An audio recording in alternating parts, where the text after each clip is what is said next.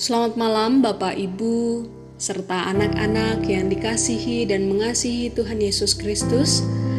Apa kabar pada malam hari ini? Saya berharap pada malam hari ini saudara semua memiliki kesehatan yang baik, tidak hanya kesehatan tubuh, tetapi juga kesehatan hati, kesehatan mental. Pada malam hari ini, saya Pendeta Eunike akan mengajak saudara untuk kembali bersatu hati dalam doa bersama. Sebelum kita bersatu hati dalam doa, saya mengajak kita semua untuk mengambil saat teduh yang akan diiringi nyanyian Teze di dalam cinta.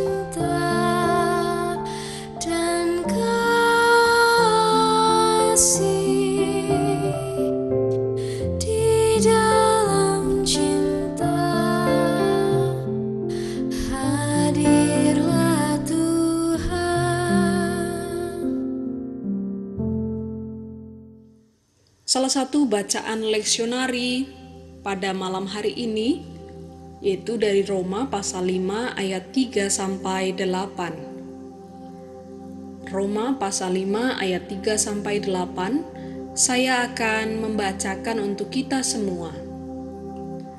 Dan bukan hanya itu saja, kita malah bermegah juga dalam kesengsaraan kita karena kita tahu bahwa kesengsaraan itu menimbulkan ketekunan, dan ketekunan menimbulkan tahan uji, dan tahan uji menimbulkan pengharapan, dan pengharapan tidak mengecewakan. Karena kasih Allah telah dicurahkan di dalam hati kita oleh Roh Kudus yang telah dikaruniakan kepada kita.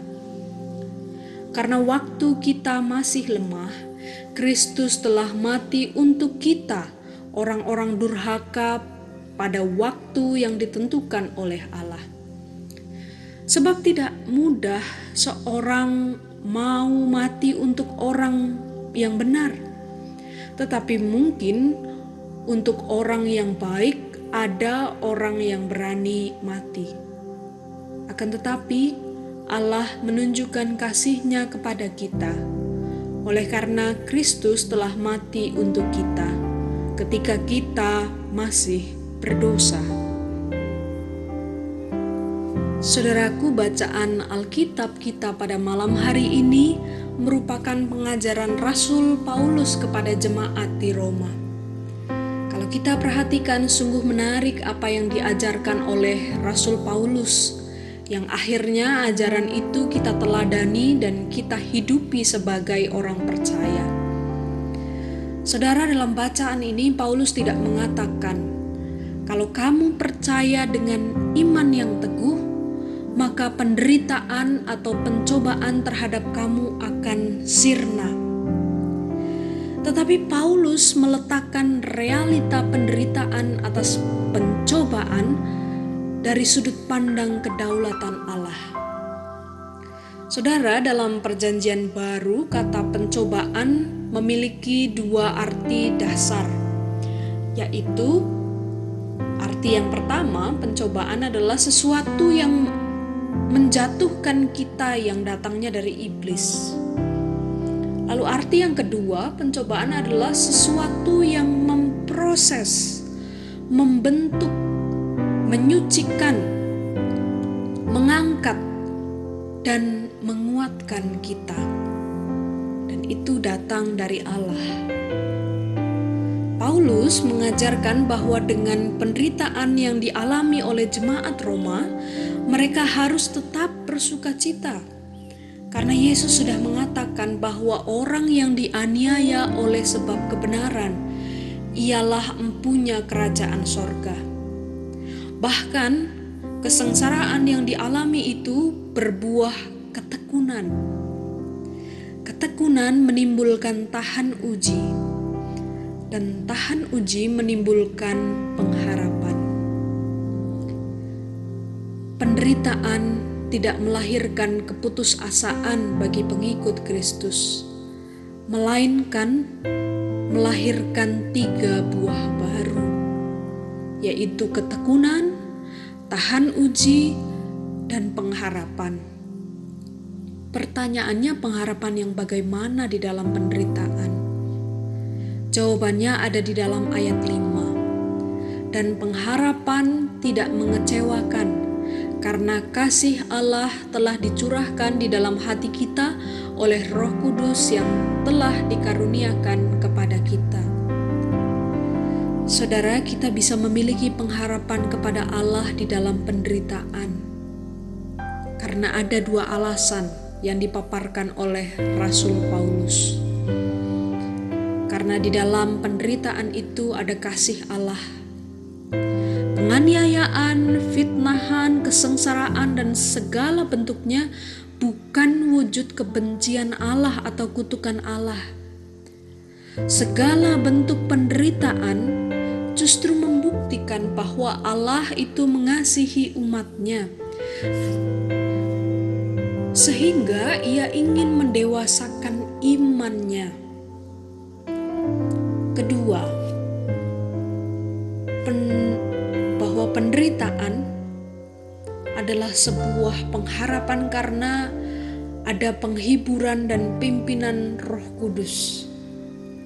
Selain kasih dan pemeliharaan Allah, kita dapat menghadapi berbagai penderitaan karena ada penghiburan dan pimpinan Roh Kudus. Roh Kudus membuat orang yang dipimpinnya sadar, taat, dan patuh kepada perintah Kristus. Amin. Saudara, marilah kita melanjutkan dalam doa bersama. Kita akan memulainya dengan doa Bapa kami, kemudian kita melanjutkan dengan doa syafaat. Mari kita berdoa.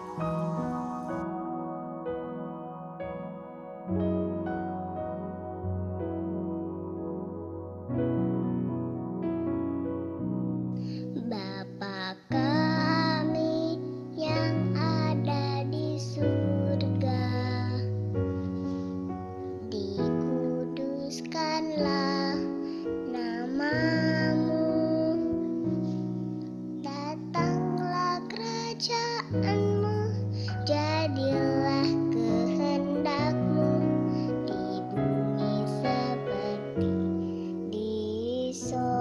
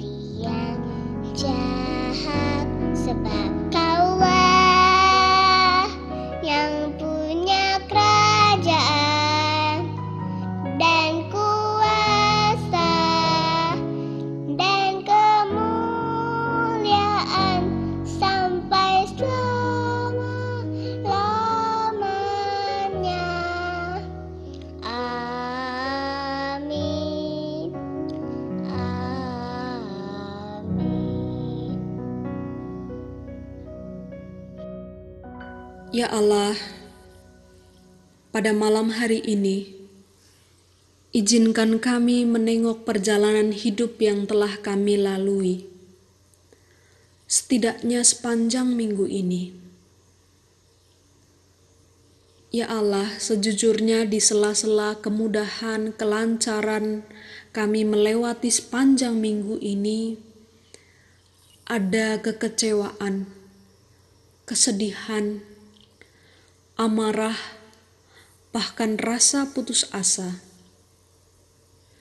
Namun kami bersyukur Engkau memberikan kami waktu untuk merenungi rasa kecewa, kesedihan, dan amarah itu. Di sela-sela permenungan itu, Engkau menunjukkan berkat-berkat yang tak terduga, yang menolong memaknai penderitaan yang kami alami. Engkau menghadirkan pengharapan dalam keputusasaan kami. Tolonglah kami untuk senantiasa memiliki pengharapan bersama dengan Engkau. Dalam pengasihanmu kami memohon. Tuhan.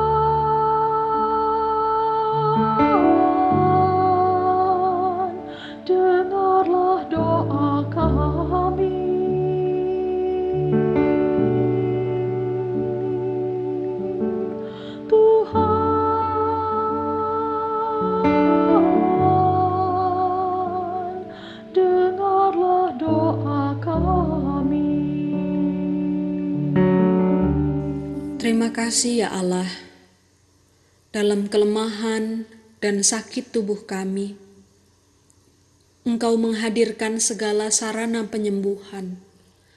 Engkau menghadirkan keluarga yang sabar dan setia untuk menjaga kami yang sakit ini.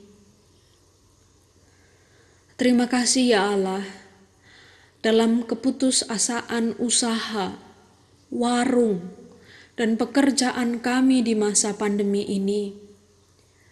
Engkau menghadirkan orang-orang yang memberikan jalan keluar dalam rupa-rupa cara. Terima kasih ya Allah, di tengah kegamangan kami menghadapi sebuah tatanan kehidupan baru, atau sering kami dengar dengan new normal life.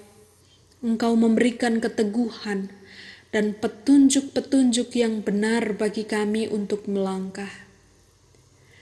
Kami bersyukur untuk pengharapan dari Engkau. Dalam pengasihanmu kami memohon. Tuhan,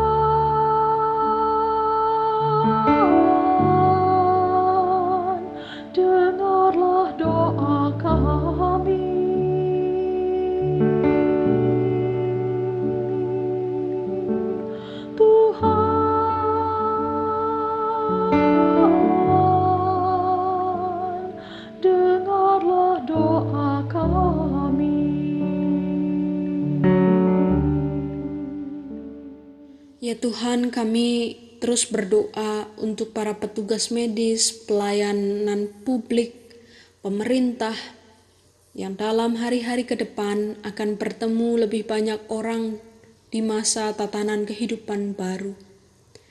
Berikanlah imun tubuh yang baik, kesehatan dan kekuatan agar mereka dapat menjalankan tugas dan tanggung jawab melayani masyarakat dengan kesehatan yang prima.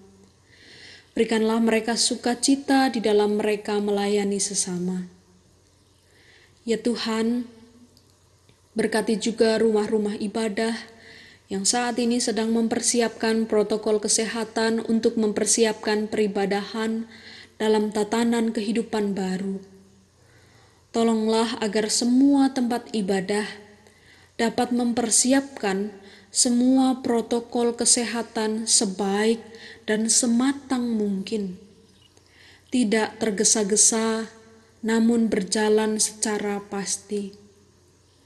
Jangan biarkan kami justru jatuh dalam pencobaan karena ketidakmampuan kami mengelola hikmat dari Tuhan dalam mengelola semua petunjuk dari Tuhan ketika mempersiapkan tatanan kehidupan baru.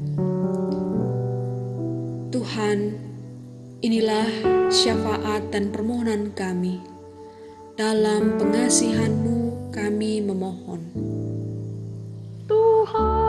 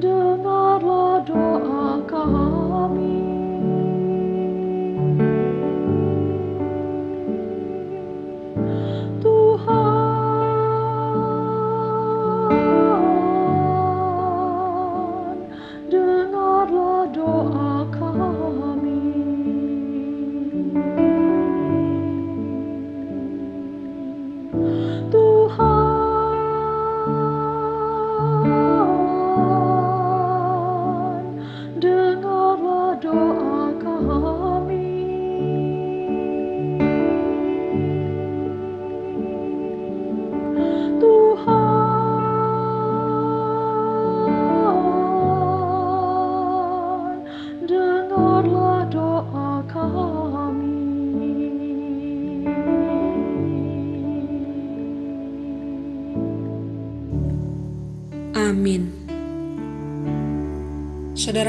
Inilah syafaat kita pada hari Minggu malam ini dengan menyatukan kekuatan dan permohonan kepada Tuhan dalam iman dan pengharapan kepadanya kita meyakini bahwa negeri ini akan pulih dan siap menghadapi tatanan kehidupan baru.